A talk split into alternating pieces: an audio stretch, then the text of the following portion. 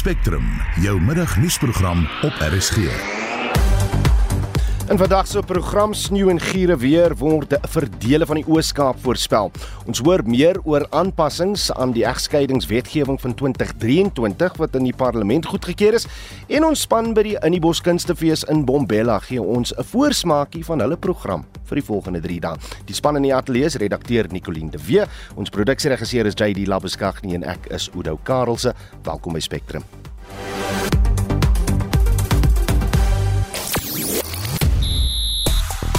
Wel die tweede toets in die reeks om die as is tans aan die gang. Hy het nou net op dreef gekom waar Australië ingestuur is om te kolf. Die jongste telling daar blyk 4 sonder verlies te wees vir Australië.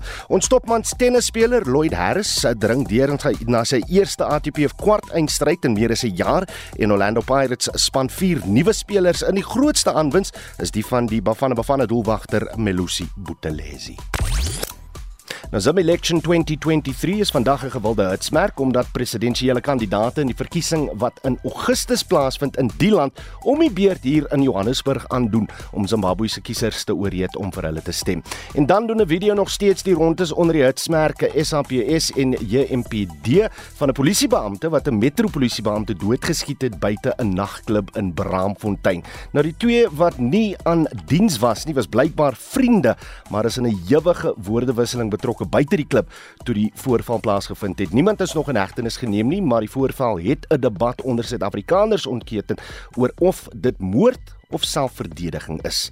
En in vandag se luisteraars vraag, die jongste diensnemingsstatistiek van Stats SA wys dat sowat 21000 mense hulle werk in die eerste kwartaal van die jaar verloor het. Op 'n jaar tot jaar grondslag was die syfer 97000 mense. Die groot vraag bly, hoe moet nuwe werk geskep word?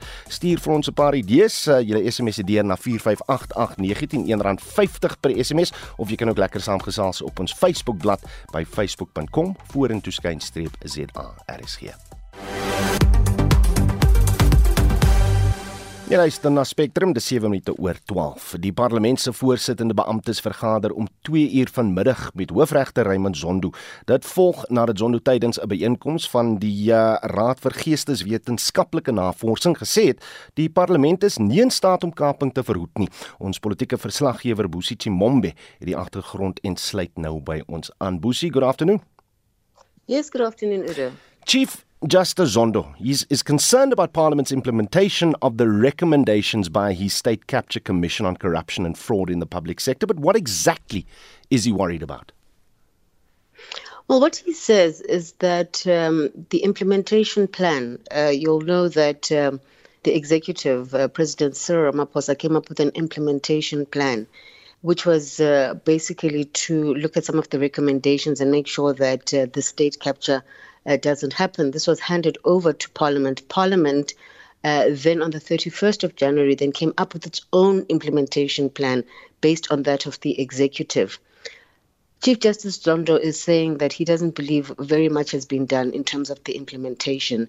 There are 16 recommendations that were basically made in terms of uh, strengthening Parliament so that it can have um, it can hold the executive accountable and uh, can strengthen its account its um, oversight role. Mm. And uh, what he expressed uh, last week was that he doesn't feel as if enough has been done to ensure that state capture doesn't happen again. Uh, what I fail to understand is our Parliament is is so concerned about his remarks, yet the State Capture Commission report is littered with examples of how uh, the National Assembly neglected in its oversight role. So, so what are parliamentarians so so concerned or, or, or worried about? Well, I think it comes down to the fact that they are talking about the, the, the principle of uh, the separation of powers. Basically, the principle, uh, constitutional principle that says that everybody must stay in their lane in terms of the three arms of government, as in uh, they should provide checks and balances for each other. But uh, in essence, one cannot tell the other what to do. And this is basically to ensure that power is not concentrated in one arm of government as opposed to the other. So, as far as Parliament is concerned, the comments that are made by the Chief Justice are basically uh, almost a public attack. Actually, they have said it's a public mm. attack, and he's basically trying to tell them what to do. And uh, it's it's pretty much uh, the, this this meeting will probably be an effort of saying uh, back off. You know, you've got your your your mandate and we have ours. Uh, if you need to speak to us, and this is what they've said, if you need to speak to us and you want to raise your concerns, there are various cha- channels to do that. It shouldn't be uh, what they they feel is a, has been a public dressing down. What are your expectations of the discussions in its entirety and also the tone in which uh, it will be conducted? Uh, well, it will be behind closed doors, obviously. Uh, we're expecting tomorrow when they come out uh, for a detailed um, uh, press briefing that uh, the tone will probably be a little bit more civil than we have seen in the last couple of days. Uh, I, I, think a lot of the, um, the blows will be landed behind closed doors, and I suppose this is what Parliament wanted in the first place. Uh, but are some serious issues uh, that they actually need to contend with, and uh, it does seem as if. Um, uh, on a broader level, mm. the, the raising of these concerns by the Chief Justice is actually a way of keeping a focus uh, in terms of the whole country to make sure that state capture doesn't happen again. So, as much as Parliament um, may have taken umbrage uh, to his comments, uh, it has refocused the issue to ensure that something does happen. Ons politieke verslaggewer, Boesie Chimombe. Die minister van Polisie, Bekkie Cele, laat weet in 'n geskrewe antwoord in die parlement dat die DNS agterstand nou op byna 56000 sake staan. Dit is 'n ingrypende vermindering van die sowat 241000 agterstallige sake in die eerste kwartaal van 2021. Die skademinister van die DA vir Polisie, Andrew Whitfield, wat die vraag gevra het, sê egter dit beteken Cele het vroeër vanjaar in sy begrotingsrede gejok. Well, there are currently more than 55,000 case exhibits that still need to be processed, and so that is the figure that I referred to as the current backlog. The Minister of Police has repeatedly told the public and Parliament, and he's clearly briefed the President, that the DNA backlog has been cleared, when in fact we now know that the DNA backlog has never been cleared, not since we started raising this issue in 2019. Whitfield sê dit lyk vir hom of Kelle na 'n historiese agterstand verwys het. Which the police ring-fenced in March 2021. That means that there were two backlogs that the police were dealing with. One was the historical backlog, the other was the backlog that has been accumulating since March 2021. The point of this issue is that the Minister of Police has misled Parliament. I believe he's done so deliberately in order to paint a picture that he's on top of his job.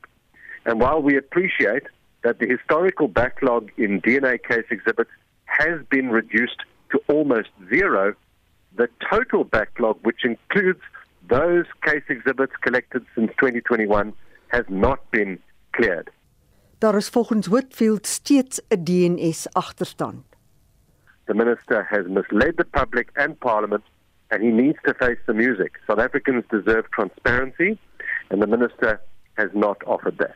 Hy sê misdaad kan nie doeltreffend sonder deursigtigheid bestry word nie. And as I said there've been definite improvements in dealing with DNA processing at our forensic laboratories which are welcomed. But it doesn't help the South African public to be lured into a false sense of security by a minister who's not capable of fulfilling his responsibilities. What he could have done at the very least is offer us the truth. He's decided not to do that. We now have the answers And we still know now that there is a DNA backlog which the minister has repeatedly told us doesn't exist. Die skade minister van polisie Andrew Whitfield sê hy gaan aan die etiekkomitee skryf sodat minister Bekkie Cele sy kant van die saak kan stel. Mitsi van der Merwe SAKNIS. Een Cameron van die burgerregte organisasie Action Society werk al lank om bewustheid oor die agterstand in DNA-toetse te skep. Hy sluit nou by ons aan. Een goeiemôre. Middag Oudo. Telle het met sy begrotingsrede 'n uh, heel ander syfer gelewer. Jy sê prontuit hierdie man het gelieg. Ja, ek dink dit is wat hy die beste doen. Ek dink hy begin toenemend vir ons eintlik lyk soos 'n patologiese leernaar want elke liewe ding wat hy tot dusver die afgelope kom ons sê die afgelope 2 jaar gesê het oor die DNS agterstand was onwaar geweest. En elke keer as ons opvolg of met regsprosesse begin of deur die parlement werk of so, dan kom hy uit met nog 'n getal en dit wat wat Andrew nou gesê het van die DA se kant af bevestig presies wat ons vir Trelle gesê het toe hy die, die laaste keer gesê het die DNS agterstand is opgelos. Hmm. 56000 sake in vergelyking met 241000 sake wat agterstallig uh, was. Dis 'n verbetering, maar hoekom is daar steeds 'n agterstand? Kyk, Uda, die die die probleem waarmee ons sit is is een van twee goed. Ek dink die werklike agterstand is baie baie meer as dit. Die rede wat ek so sê is daai net oor die 50000 is eintlik die sogenaamde ringfence hoeveelheid. Dit is 'n gedeelte van die oorspronklike agterstand wat daar was. Maar onthou, daar kom elke liewe dag honderde nuwe sake in en uh, en elke saak het seker maar 'n gemiddeld van ongeveer 4 bewysstukke wat uh, verwerk moet hmm. word. So dit sit geweldige druk op die stelsel. Hoekom is daar 'n agterstand? Daar 'n groot deel van die agterstand het ontaard in die in die COVID-19 tydperk of die Grendeltyd toe die staat en spesifiek van die vakbonde soos uh Popcrew en SAPO aangevoer het dat lede uh nie saam in die laboratoriums kan werk nie. Dit is 'n gesondheidsrisiko ensovoorts wat absoluut te snerd is en wat veroorsaak het dat hulle nie net 'n klomp oortyd betaal is nie, maar dat die agterstand groter en groter geword het net as gevolg van die halvering van mannekrag of menslike hulpbronne in hierdie laboratoriums. En vir daai rede het dit ver agter geraak en met die die druk wat daar reeds is, hm. het dit net onmoontlik geraak om uh, om op te vang.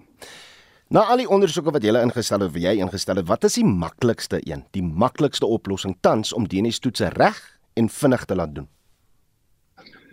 Ek dink dit is so eenvoudig, Uda. Hulle moet 'n hulle moet 'n ehm 'n samewerkingsooreenkoms teken met twee of drie universiteite. Ehm um, UCT is 'n goeie voorbeeld wat reeds gesê het hulle is bereid.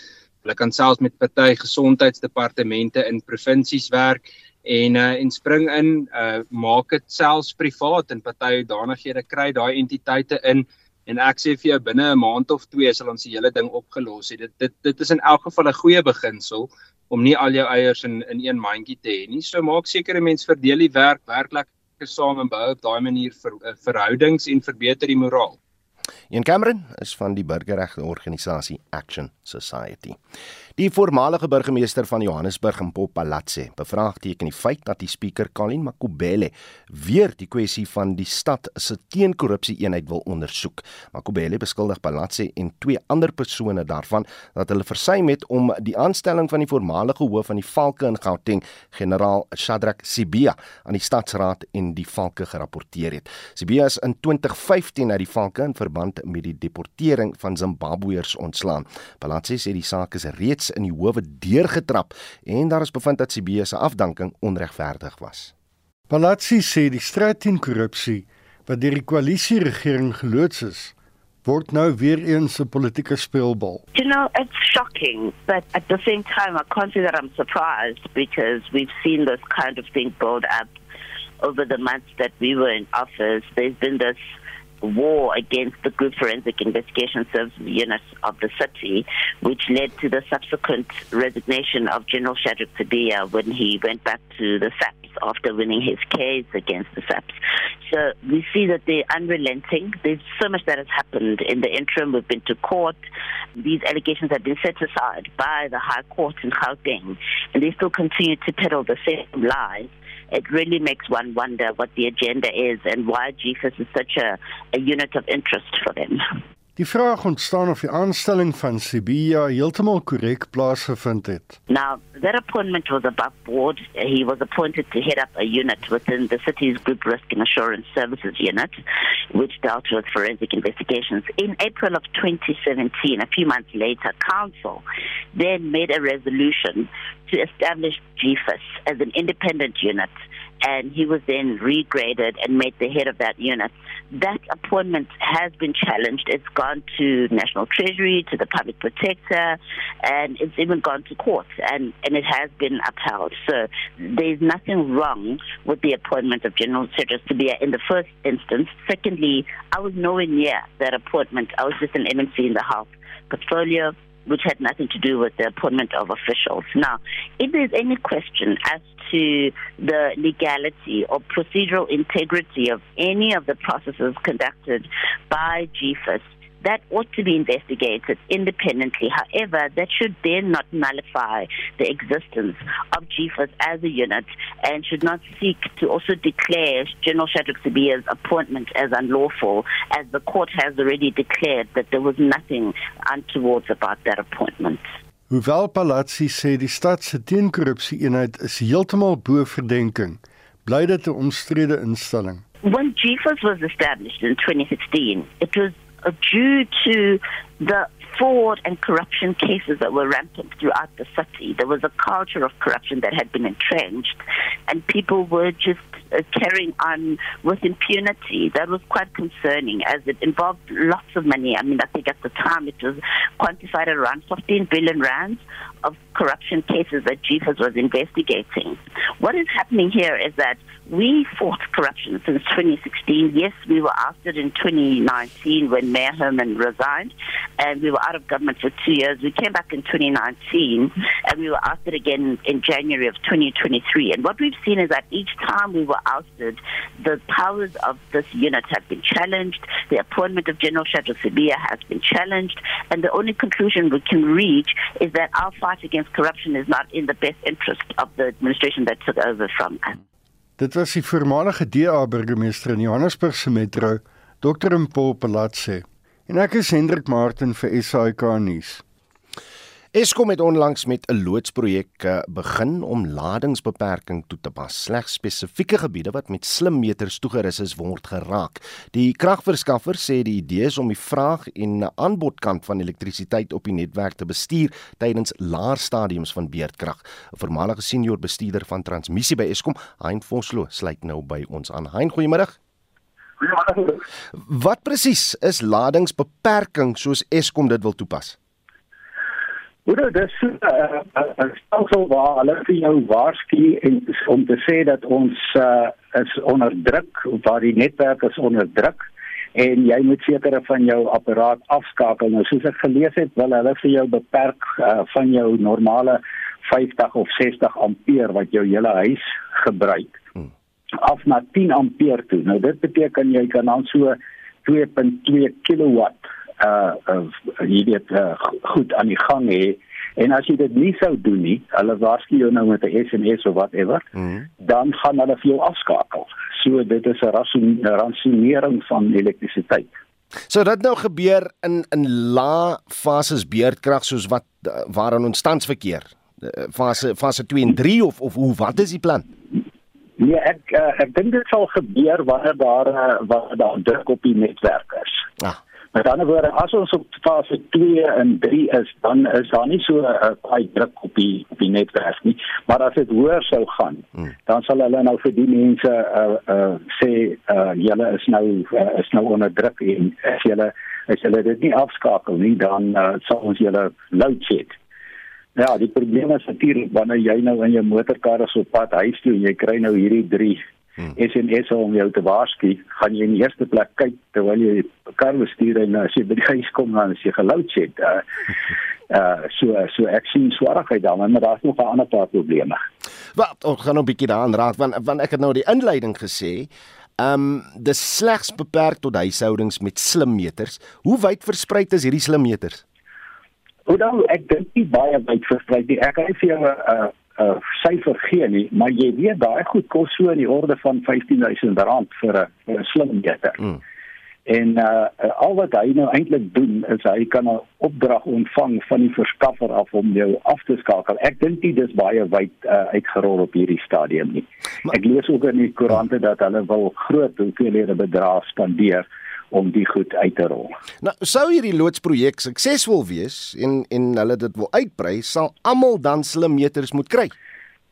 Ja, ek is bevrees so tensy tensy ons 'n stokkie daarvoor kan steek want daar is ander metodes wat baie goedkoper en baie beter werk hmm. as as slim meters. En uh, hou, hou dit 'n gevaar in vir ons huis, huishoudelike toestelle? Nee, nee, Oudo, ek dink dit is minder as wanneer ons beerdkrag het. Jy weet wanneer daai beerdkrag terugkom, dan kry jy sulke spikes en party van die mense se se toerusting uh kry daai spikes. Maar wat wat ek nou nog mee begin het is daar is 'n ander manier wat jy omtrent vir 1/10de van die prys kan jy apparate in in huise insit mm -hmm. wat outomaties gaan kyk na wat is die stand van die uh, van die netwerk.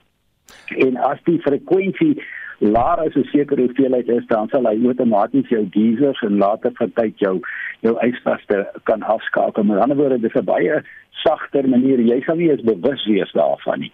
Jy weet eintlik is ons batterye, is is ons uh, geysers is soos 'n battery. Uh as jy gaan kyk na hoeveel geysers in Suid-Afrika is en jou vraag is, sal dit sal dit help? Ja, dit sal help want as ons 6 miljoen huishoudings het en elkeen het een geyser en baie van hulle het meer, mm. dan praat ons van omtrent 18 gigawatt se se verbruik. As 'n kwart van daai ouens op een stadium aangeskakel is, dan beteken dit ons het omtrent uh, 4 4000 uh, uh, 4 gigawatt, 4000 megawatt krag wat ons kan spaar as ons daai geysers kan afskakel. Dit is hoeveel 'n kragstasie lewer. So so die beginsel is baie goed, maar die manier waarop hulle dit wil uitrol, dink ek nie is die is die manier om dit te doen nie. Weet jy kom Eskom vir die duurder opsie gegaan het? ek dink dit is maar omdat dit die bekende uh, die bekende manier is. Maar jy moet ook jou voorstel as jy nou al hierdie uh geyser slimmeters het wat nou die geysers moet afstel en na 6 miljoen van hulle. Dan moet jy 6 miljoen boodskappe op die internet uitstuur om om vir na idee daai goeders te, te kan bedryf. Hmm. En ek dink dit gaan dit gaan on, ongelooflike las op ons op ons internet en op ons uh, selfoonkommunikasiestelsels het uh die die idee wat ons nou kyk is ene waar hy glad nie van bo af beheer word nie. Hy's outomaties, hy kyk na die stand van die inkomende inkomende krag en hy skakel jou toerusting af. Jy weet nie eers wat hy daar is nie. En dit vir 1/10 van die prys. So ek dink daar's 'n daar's 'n beter manier, maar ons is besig om met hulle te praat en hulle te probeer oortuig. Ons ook sê die bekende ding is maar die slim meter en dis eintlik die dom een om dit uh, so te stel. So wie nou jou toe kom om uit te vind hoe daai gesprekke uh, gegaan het, maar Hein Vosloo, dankie vir tyd hier op Spectrum. Hy is 'n voormalige senior bestuurder van transmissie by Eskom. Nou die gebied om die Diepkloof hostel is nou rustig na gister se gewelddadige betogings. Inwoners is ongelukkig oor die toestand van die hostel en inwoners se dakke lek en die plek is oor die algemeen nie meer geskik vir menslike gebruik nie. Gister het inwoners baie versper en gesê as Johannesburg Metro nie gehoor gee aan hulle eise nie, hulle sal voortgaan met die protesoptrede. Stembiso Mashanini is 'n wijkraadslid in Diepkloof en hy sê die inwoners is baie gefrustreerd.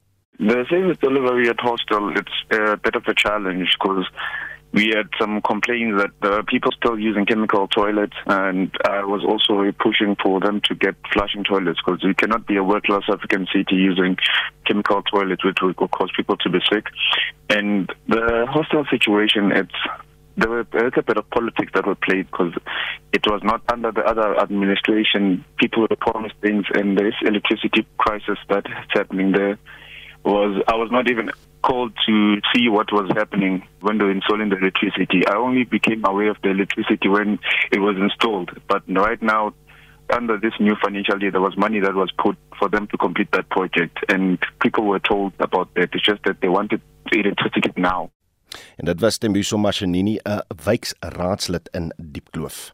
Die Global Gender Work and Organisation konferensie word vir die eerste keer in Afrika gehou. Die 3-daagse konferensie begin vandag in Stellenbosch. Meer as 350 sprekers gaan kwessies aanraak wat vroue en nie-normatiewe geslagsidentiteite beïnvloed. Professor Anita Bosch, die navorsingshoof van vroue in die werksplek by die Stellenbosch Bestuurskool, praat nou met ons. Anita, goeiemôre. Goeiemiddag Oudo.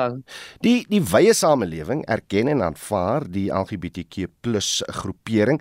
Daar is egter 'n gebrek aan navorsing oor werkplek werksplek diskriminasie gebaseer op seksuele oriëntasie en geslagsidentiteit. Hoekom? Ja, wel, jy weet, sodra mense uh, nie die norm um, uh, in die normgroepie inpas nie en en ons almal weet dat dit 'n verskriklike wye definisie is, uh dan vind mense dit bitter bitter moeilik om toegang te kry tot die werkplek, toegang tot onderhoude, uh, maar dan ook om binnekant die werkplek ten volle uh hulle self uit te leef en ook te kan vorder na hoë poste. Hmm. En dit is wat die die kongres wil ondersoek. En en en hoe presies gaan hulle oplossings probeer vind?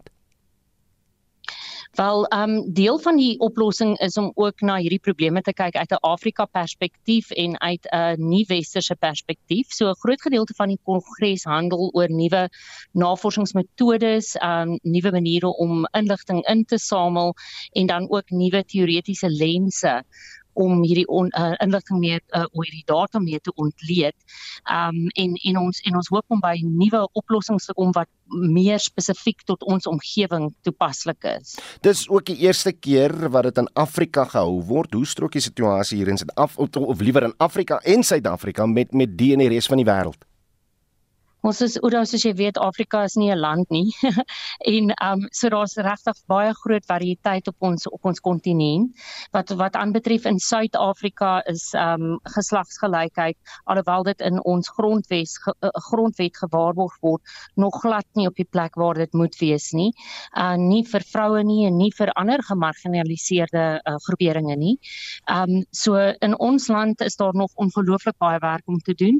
Op ons kontinent is daar amper nog meer werk om te doen veral as ons kyk na die wetgewing in Uganda en baie ander lande um waar byvoorbeeld die die um 'n gay gemeenskap heeltemal gemarginaliseer word en en eintlik waar dit teen die wet is um om om pare van dieselfde geslag um by mekaar te te kan wees en nie eers te praat van 'n huwelik nie Professor Anita Bosch, dankie vir tyd op Spectrum. Sy is die navorsingshoof van vroue in die werksplek by die Stellenbosch Bestuurskool. Spectrum, jou middagnuusprogram op RSG. 12:30 en later in die program sommige strande in Durban is weer gesluit na 'n rioolpompstasie onklaar geraak het. Bly ingeskakel hier by Spectrum.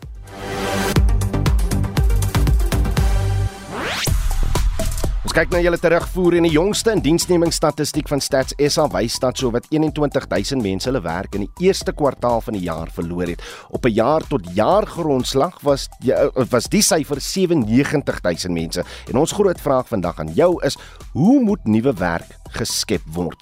Banemi Delabat sê op uh, Facebook verander die arbeidswetgewing met voorgeskrewe minimum salarisse en byvoordele sodat mense kan werk vir wie en wat hulle wil. Verminder die uh die mag van unies wat op hulle eie voordele duur en dikwels 'n destruktiewe stakings hou en werkers dwing om nie te werk nie. Uh Gerda Wessels sê menskans uh sê word entrepreneur, maar as die breë samelewing sukkel om te leef, sal hulle nie geld hê om jou produk te koop nie. En dan uh stem Dani Malan met Barnaby saam om uh, dat hy sê skaf eenvoudig net minimum lone af. Hoe voel jy daaroor? Hoe gaan ons te werke om nuwe werk te skep? Uh jy kan 'n SMS stuur na 4588919 R50 per boodskap of jy kan saampraat soos hierdie luisteraars gemaak het op ons Facebookblad by facebook.com vorentoe skynstreep ZARSG. Dit is nou tyd vir die jongste sportnuus en ons begin met cricket waar die reeks om die as vandag voortgesit word met die tweede toets wat so 'n halfuur gelede op Lords afgeskop het. Vir Australië het Mitchell Stark vir Scott Boland vervang. Engeland het die lood gewen en besluit dat die besoekers eerste moet kolf en op 'n oomblik bietjie stadig maar goed op dreef Australië 13 sonder verlies. Uh, David Warner hy's op 11 nie uit nie en Usman Khawaja op 2 nie uit nie en hy telling weer eens 13 sonder verlies. Nou die Wêreldbeker kwalifikasietoernooi in Zimbabwe Zimbabwe nader môre die kritieke Super 6 stadium. Zimbabwe en Sri Lanka begin die fase as die topspanne op die punte leer. Zimbabwe speel môre teen Oman en Sri Lanka teen Nederland. Slegs die top 2 spanne na die fase sal dan kwalifiseer vir die Wêreldbeker. Uh tennis toe in vir Suid-Afrika se Lloyd Harris kom uh, Wimbledon op 'n goeie tydstip. Hy het net gisteraand sy eerste ATP kwart eindstryd bereik met 'n oorwinning oor uh, twee stelle teen uh, Roman Safiulin. Dit is nou van Roemenië. Harris sal nou môre te staan kom teen die Rus Pavel Kotov vir 'n plek in die halfeindstryd, maar voor dit plaasvind is hy ook vandag te sien in die mans dubbelspel kwart eindstryd saam met vernoot Yuki Bambri. Hy is nou van Indië en die twee speel in die aandsessie teen die Spanjaard Marcel Granollers en uh, die Argentyn Horacio Zeballos. In sokkernuus het Orlando Pirates sy nuutste aanwinste aangekondig, TS Galaxy en bevanne bevanne doelwagter Melusi Buthelezi, Marumo Gallants se Katlego Otladisa, Patrick Maswangani van SuperSport United en Spelo Balloni van die eerste divisie span All Stars sluit almal by Pirates aan. Uh Ntsako Makubela Craig Martin, Kanyuso Zungu en Domiso Mabena is van die spelers wat die klub voor volgende seisoen uh, volgende seisoen sal gaan verlaat. En uh, ons sluit af net met 'n paar brokkies goeie nuus. Die voormalige Bloubol loskakel Derek Hougaard haal nou self asem nadat hy uit 'n koma wakker geskrik het en uh, van 'n ventilator afgehaal is. Daar word verder berig dat hy geen aanduidings van enige breinskade toon nie en dat hy tans ook met familielede kan kommunikeer. En dan wil ons ook net weer eens wel gedaan sê aan die Suid-Afrikaanse span wat gister teruggekeer het uit Duitsland na hul deelname by die spesiale Olimpiese spele. Uit die 7000 atlete wat deelgeneem het, het die SA span van 64 atlete 49 medaljes huis toe gebring en dit is iets om te vier. En dit aan jou jongste sportnuus hier op RSG. Die kabinet het die voorgestelde veranderings vir die egskeidingswysigingswetgewing van 2023 goedgekeur.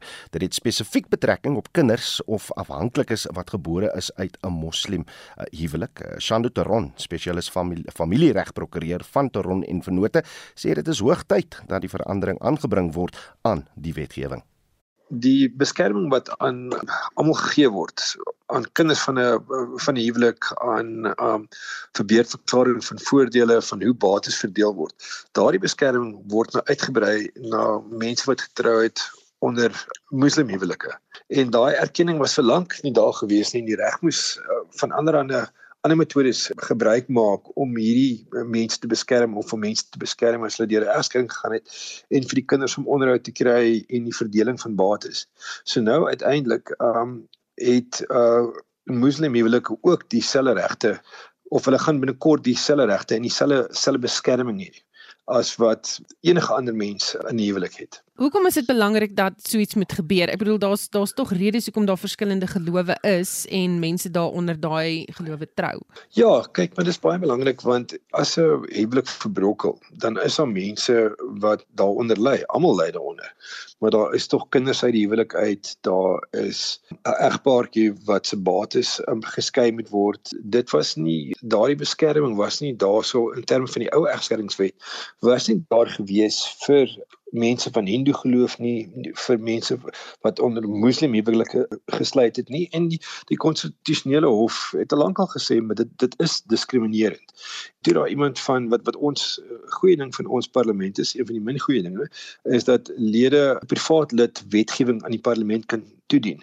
En toe het meneer Hendrikse van die Al-Jamaa, die een van die moslimpartye, hierdie wetgewing toegedien en dit is daar's dit, dit deur verskeie komitees, maar dit dit is nou aanvaar deur die parlement en nou moet die president dit promulgeer. Hy moet dit teken in wetgewing. Wat is van die mees belangrikste of van daai wetgewing wat vir jou uitstaan wat baie baie baie belangrik is en wat mense se lewens gaan vergemaklik en seker maak dat almal gelykmatig uit hierdie ding uitkom? Die, die feit dat 'n moslim huwelike nou erkenning kry erkenning kry as deel van ons reg, as deel van ons gemeenereg. Jy weet gemeenereg is 'n reg wat al lankal ontwikkel en deel van deel van jou samelewing se soort van regsbedes en dit is dit is 'n inheemse reg. Vir lankal al het mense daaronder gelei, veral vrouens en kinders daar kinders daaronder gelei dat as 'n moslim huwelik verbrokel, dan het hulle baie gesukkel om om om bates te kry.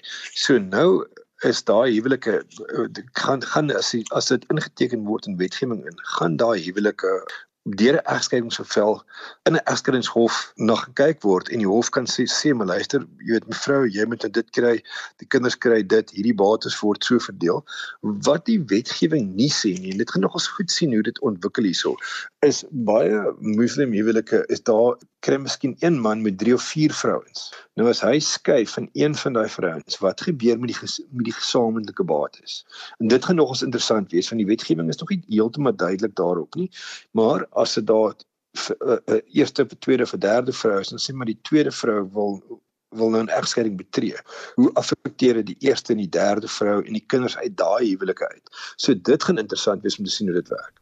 En dit was Sandro Teron, spesialis familiereg, 'n prokureur van Teron en Vennote wat vroeër met ons Susan Paxton gepraat het. 40 jong landbougegradueerdes van die Vrystaat word deur die provinsiale departement van landbou bygestaan om vir hul raadseksamens voor te berei. Justin Kennerly berig dit is die laaste stap van hul reis om as landboukundiges en veeartse te kwalifiseer. 176 studente het die geleentheid gehad om oorsee te studeer. 168 van hulle het hul studies voltooi. Een van hulle, Karabo Lebuso, het vroeër met die SAIK gepraat. I got the privilege to go and study abroad. I studied research agronomy. I completed it. I'm a registered uh, agronomist right now. So I'm working at FarmSol. Yes, so I'm a specialist responsible for Free State. Die provinsiale ALR vir landbou, Saki Mokoena, sê dit is belangrik om die jeug te bemagtig om landbou verder te laat groei. Those who went to study outside, who came back with some challenges in relation to the qualifications they acquired and the ability to use them in the country, they need to take some couple examinations so that they are certified, particularly the vets. So we are taking 40 of them to University of Pretoria to undertake a bridging course so that they are ready when they take the certification course, they will be able to go through and uh, pass successfully. They are going to work with various communities that we find in every area in the Free State to empower and force what we call the enhancement of the livestock that we find so that our people can breed livestock that is really ready for the market. Mokoena het in sy begrotingsrede aangekondig dat die departement 34 jeugprojekte teen 'n koste van 55,3 miljoen rand in die 2022-2023 boekjaar ondersteun het. Hierdie verslag van Kamogelo Seko in Bloemfontein en ek is Justin Kennedy. Ons bly by die storie en praat met die kommersiële bestuurder van Vrystaat Landbou Jack Amer. Jack, goeiemôre. Goeiemôre, goed, gaan goed. Nee, dit gaan goed, man. Wat wat weet Vrystaat Landbou van die program om uh jong landboukundiges en veeartse te help om werk te soek? Ons weet dat daar klompie studente oorsee gestuur was en oorsee geswat het. Um hierdie huidige programme eers wat ons daarvan gehoor het was toe julle ons nou bel en vra wat vir kommentaar. So ja, nee, ons is nie geken in die hele program nie. Julle is glad nie betrokke nie, julle gee nie leiding nie. Nee, nee, glad nie. Is dit nie waarskynlik dat hulle erns in die stelsel dan saam met Vrystaat Landbou gaan werk nie? Ehm um, ongelukkig het ons nou in Suid-Afrika hierdie parallelle landbou sektor ding geërf en dis waar die silos nou bly. Maar dalk net 'n bietjie agtergrond, ons weet nou van die gemeenskapsdiensjaar dokters wat mos ook in ehm um, Kuba hmm. gaan swat het en toe hulle nou terugkom hoe het hulle gesukkel om weer in die stelsel in te kom. Ehm um, nou uh, heidaglik het die ehm um, 'n politieke partye 'n saak teen die ehm um, premier se kantoor wat deur die Step Special Investigating Unit unit vir ondersoek word oor hierdie hele beursprogram en die die swat van oorsee van studente En dis dis nie dat die studente gaan na die beste universiteite en na die beste studente altyd gekies word nie, mm. maar dis dalk die universiteite en een van die universiteite in Turkye het ehm um, uh, Isma Khashoggi 'n uh, honorary doctorsgraad gegee omdat hy soveel studente na hulle besigheid oh, ja, dit was 'n mm. privaat universiteit toe gestuur het. So daar's 'n bietjie van 'n perverse incentive daarso. Maar mense sit jou bedenkende oor die tipe universiteite baie ideologies spesifiek ke universiteite aan wie hierdie studente gestuur word en en hoekom hulle daar gestuur word wat werklik uh, is hulle daar en ek het interaksie met van hierdie studente al gehad. So dit is 'n uh, 'n bron van kommer van ons, maar die feit dat daar ons het 'n ons het 'n tekort aan veeartse. Dit dis die waarheid. Mm, mm. En dit is baie goed dat hierdie studente wat wel oorsee gestuur was, ehm um, geïntegreer word dat daai geld uit ons begroting uit ons belastingbasis wat spandeer is op hierdie studente benut word dat hierdie studente daarom ge gebruik kan word ja Jack gee my net duidelikheid hoekom bestaan daar nog hierdie parallelle stelsels as as daar een doel is dat dit wat die beste is vir vir landbou in die provinsie Ehm um, kyk dit daar's die klein boere ideologie en daar's die kommersiële boere en daar's 'n dis 'n as en them. En ongelukkig is die kommersiële boere meestal wit boere en die klein boere of die daar daar's wit daar's ook klein wit boere en en daar's baie wit boere wat se begroot se se se se omset so klein is dat volgens die um, mikro SCCB wat ook al standaarde hmm. hulle is is hulle small and micro enterprises hulle is klein besighede hulle omset is onder 'n miljoen rand per jaar maar dis wit boere, maar hulle word nou as as as kommersieel geklassifiseer en hulle moet nou deur die koöperasies en die privaat sektor ehm um, voorligter beamptes nou bedien word. Dis hoe die kommoditeitsorganisasies half bestaan het en en daai goed om die kommersiële sektor te bedien. Nou meeste van die kommersiële uh, kom, uh, kommoditeitsorganisasies soos Granisa en rooi vleisprodusente organisasie en National Wool, Wool Quakers het ook ontwikkelingsprogramme hmm. wat meestal geteken is op die meengrondboere om hulle te help om te kom.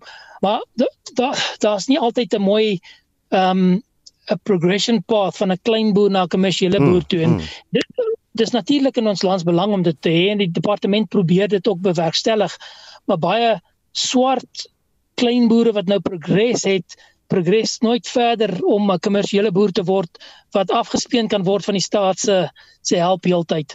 Um dit ja. dit, dit dis juist om hierdie rede dat dat jy die twee bymekaar wil uitbring. Uh, Jack ons praat altyd oor die die die die gebrek aan transformasie in landbou.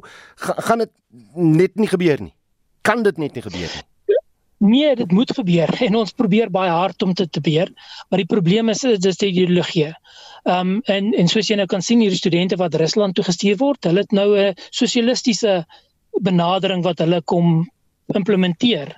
Ehm um, die hulle opleiding in Rusland was nie net om fiase te word nie, ek seker hulle het ander ideologie ook gaan leer. Hmm. En en om daai goed dalk toe toe te pas. Ehm um, dalk is dit nodig. Ek ek sê nie ons die die die kommersiële westerse ehm um, kapitalistiese daar daar's baie foute met daai stelsel ook wat ook reggemaak moet word. Maar en en eers moet ons mekaar kry laat ons as 'n as 'n as 'n land die landbou vorentoe kan vat. So dis net ideologie daar sien 'n groot verskil tussen die kursusse wat daar in Rusland aangebied word en dalk dit wat hier in Suid-Afrika aangebied kan word nie. Nee, ek glo daar's 'n baie groot uh, verskil, maar die die die klimaat is anders. Ek, ek hmm. hoekom moet die studente daar gaan studeer? Dis vir ander rasse, ander diere, ander klimaat, al ander siektes. I mean, Suid-Afrika het meeste van die siektes in die wêreld en en um, ons veeartse moet moet regtig daai siektes kan verstaan. Hmm. So ons het 'n krisis met opleiding en um, ek ek dink dit agtergeblewende gemeenskappe, kinders uit daai gemeenskappe. En dit was die idee met die premier se beurs om in daai studente op te hef, maar net om hulle te stuur na 'n ander land om om 'n makliker graad te kry wat hulle dalk nie hier sou kon gekry het nie. So los nie die oplossing op nie. En baie van daai kinders is is is is kom ek kom ek sê dit maar reguit is kader se kinders. Dis nie regtig mense van agtergeblewende gemeenskappe nie. Hmm. So daar's baie bedenkinge oor hierdie hele program uh, van van die premier se kantoor in die beurse oor see. Ehm um, so die manier wat dinge gedoen is, ek dink nie was reg gedoen nie. Dis met politieke ideologie en en dis ook nou verkiesingsjaar. So baie van die goed wat nou gedoen word is um, ook baie polities gemotiveerd en nie noodwendig vir die sektor as 'n geheel die beste oplossings nie. En dis dis waar ons kommernis. Ons ons die die die die premier ag die LER van landbou het na ons toe uitgereik. Hy praat met ons. Hmm. Hy probeer met ons praat. Maar baie goed kan kan hy nie met ons doen nie want dit daar's groter hy, hy werk vir 'n politieke baas. Dis hoekom hy daar is. Hey. En hy moet daai goed uitvoer. Hy kan nie altyd uitvoer wat ons vir hom probeer sê is die beste opsie vorentoe. Die politiek. Die kommersiële bestuurder ja. daar van Vrystaat Landbou Jack Ahmed, dankie vir jou tyd op Spectrum. Terwyl jeugmaand ten einde loop, het die Siakona jeuggroep van Tembaletu in George in die Weskaap sy 10de jaarlikse dramafees gehou. Die fees word gekenmerk deur drama, musiek en dansoptredes. Tanya Krause doen verslag.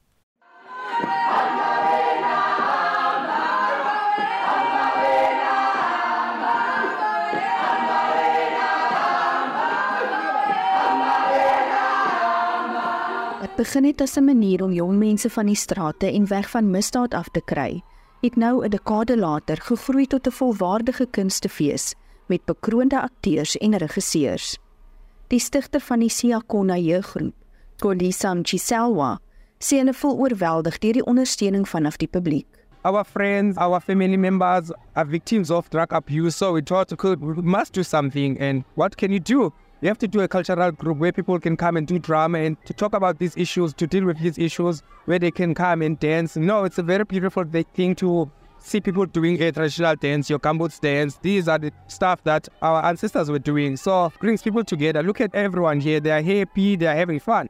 Om deel te wees van 'n dramagroep is nie net 'n ontsnapping van die harde werklikhede van die lewe nie, maar leer die jeug ook hoe om die lewe se uitdagings te hanteer. Hierdie kunstenaar hulle het baie op die verhoog geleer. The group does not only teach us drama, dance, and everything about arts. It also teaches us confidence, boost confidence and all that. Our directors doesn't only teach us how to be on stage and do everything well on stage. It also teaches us like how to improve on your academics. I got to learn to, to, to get out to get out of my comfort zone. Also, I learned how to communicate with other people because when I grew up, I was this shy boy. Uh, I wasn't talking too much, but when I joined the drama, I was forced to be there, out there. Die streekswenners van vanjaar se Wes-Kaapse Departement van Kultuursake en Sport se Dramafees, die Spyro Kunstigting van Hermanus, het ook hulle bekroonde toneelstukke by die geleentheid opgevoer. Spion Lanja is die stigter van die groep. The reason we are here today we've combined or intertwined these two groups we wanna work together for a long period. So we great in that situation because we find that man, we have the similar uh, skill together. So we say like let's combine our two, let's let's become friends and let's work together. Die stigting beplan om saam met die Siakona jeuggroep te werk om kuns en kultuur onder die jeug nog verder te ontwikkel. Ek is Tanya Krause op George in die Wes-Kaap.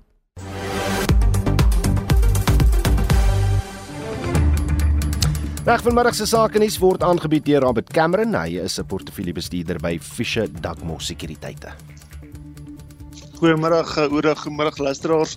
Ja, ons plaaslike mark is uh, sterker vandag in lyn met uh, markte elders in die wêreld. Die indeks vir alle aandele is uh, beter met so 'n goeie 0,8% of 560 punte. Daar indeks vlak tans uh, 75100 punte. Die top 40 indeks verbeter 0,8%. Uh, die Hulbron uh, indeks agter so 0,3% swakker. Die Navrats indeks hy sterker met sy 1,6% en dan die finansiële indeks uh, op met 0,8%. Ons kyk na enkele aandele Naspers, hy het so 4 4% by R3391. Uh sy klein boetie Prosus, hy sterker met sy 1003 uh, skies tog met sy 0,9% R1372. Dis dan na aankondiging gister dat hulle beoog om die komplekse kruisaandeelhouding tussen die twee maatskappye wat in uh, 2021 gebeur het, uh basies te beëindig. Dan MultiChoice verbeter 2,1% R94.50 en Westec verbeter 1,6% R103.40. Aan die verloorkant sien ons die Banye Stillwater verloor sy 1,4%. Hy staan op R28.15. Uh wisselkoerse die rand verswak effens vandag R18.65 teenoor die Amerikaanse dollar, R20.43 teenoor die euro en 'n Britse pond kos jy tans R23.70. Uh kommoditeite, die goudprys 1908 dollar per fyn ons, die platinumprys uh 917 dollar en dan die Brent olieprys is sterker met sy 0,6% vandag 72 dollar 70 per vatjie. Internasionaal sien ons oornag het die Dow Jones so 0,6% verbeter. Die Hang Seng uh, vroeër vanoggend in Hong Kong basies onveranderd gesluit. Die in Europa gaan dinge heel goed. Die FTSE 100 in Londen beter met 0,6% in Frankfurt die DAX so 0,8% uh sterker so wel as die CAC 40 in Parys hy verbeter ook met so 0,8%. Baie dankie dis die einde van die saak nuus. Ja dan Robert Cameron van Fisher Dugmore Sekuriteite. Monitor Spectrum en Naweek aktueel saai regstreeks van die Inniebos Kunstefees in Bombela in die Laagveld uit. Die span sa uit van die Mopani kuier verhoog by die hoërskool Bergvlam. So gaan kuier gerus daar. Hulle is eintlik tans op pad Bombela toe en ek is seker Anita Visser is daar in die kar aan die woord op die oomblik. Maar Justin Kennerly het by Susan Paxton gaan hoor waaroor die span gaan praat die week. Susan, julle gaan fokus op nuusaktualiteite terwyl julle daar is. Ja, Justin, terwyl ons in die Laagveld is, gaan ons fokus op nuuskwessies wat daar in die ontwikkel is. Ons skop sommer môreoggend se uitsending op Monitor af met 'n gesprek oor die verkiesing en diensleweringkwessies in die gebied. Dis nou in aanloop tot die verkiesings volgende jaar. Ons vra die vraag: wat moet kiesers in die gebied weet voordat hulle hulle kruisies gaan trek? Ons praat met die groot vier partye in Bombela, dis die ANC, EFF, Vryheidsfront Plus en die DA. Ons gaan ook met die belastingbetalersvereniging praat oor kwessies in hierdie gebied wat mense daar raak. En En dan het ons ook 'n baie interessante onderhoud oor die makadamia bedryf in die gebied. Glo trek die bedryf baie swaar en 'n kenner kom vertel vir ons daarvan. En dan gaan ons ook gesels met mense wat in misdaadbekamping daar werk. Hulle gaan met ons praat oor hoe die renosterstropery hulle beïnvloed. Dit is so 'n deurgangsroete vir mense om al daai horings, wapens en selfs mensehandel wat daar plaasvind, um, weet onder beheer te bring. So hulle gaan met ons praat oor hoe dit was voor COVID en hoe dit nou is na COVID. En dis ook nie die enigste diere waaroor jy gaan praat nie. Nee, hoe dan nou anders? Want as ons in die Laagveld is, mos wild wêreld daai. Ons gaan met Petronella Nieuwoud praat oor die renoster wesies. Die landste voorste roofdier wetenskaplike kom vertel vir ons oor luiperdpopulasies, hoe hulle vaar en wat die bedreigings vir hulle is. Nie net hier plaaslik nie, maar ook internasionaal. En dit is nou sommer môre in Spectrum al. Dan sal Sandparke ook met ons kom praat oor die nuwe manier wat hulle teen stropery honde in die wildtuin loslaat om stroopers te vang en dan daar te hou tot die owerhede by hulle kan uitkom. Hulle gaan ook praat oor teenstropery operasies in die park en tegnologie wat daar aangewend word. En wat gaan nog daar gebeur op die verhoog? Lis Meyering gaan daar wees. Ek hoef seker nie veel meer te sê daaroor nie. Sandra Prinsloo gaan daar wees. Ons het vir Heinrich Pelser, Bibi Slippers en Jacques Priester wat vir ons 'n voorsmaakie gaan gee van hulle interessante en unieke produksie van musiek, gedigte en sang alles mooi saam. Bianca Blank sal môre middag ons kom bekoor met haar mooi musiek op Spectrum. So besige week, maar kom maak 'n draai, kom gesels, kom groet. Daar's 'n paar verrassings ook wees waarmee jy dalk kan huis toe gaan. Regstreeks van in die Boskunste fees oor die volgende 3 dae luister gerus na Monitor Spectrum en Naviga Aktueel. Dis dan uh, al van Spectrum af vir vandag. Dankie dat jy gele luister het. Totsiens.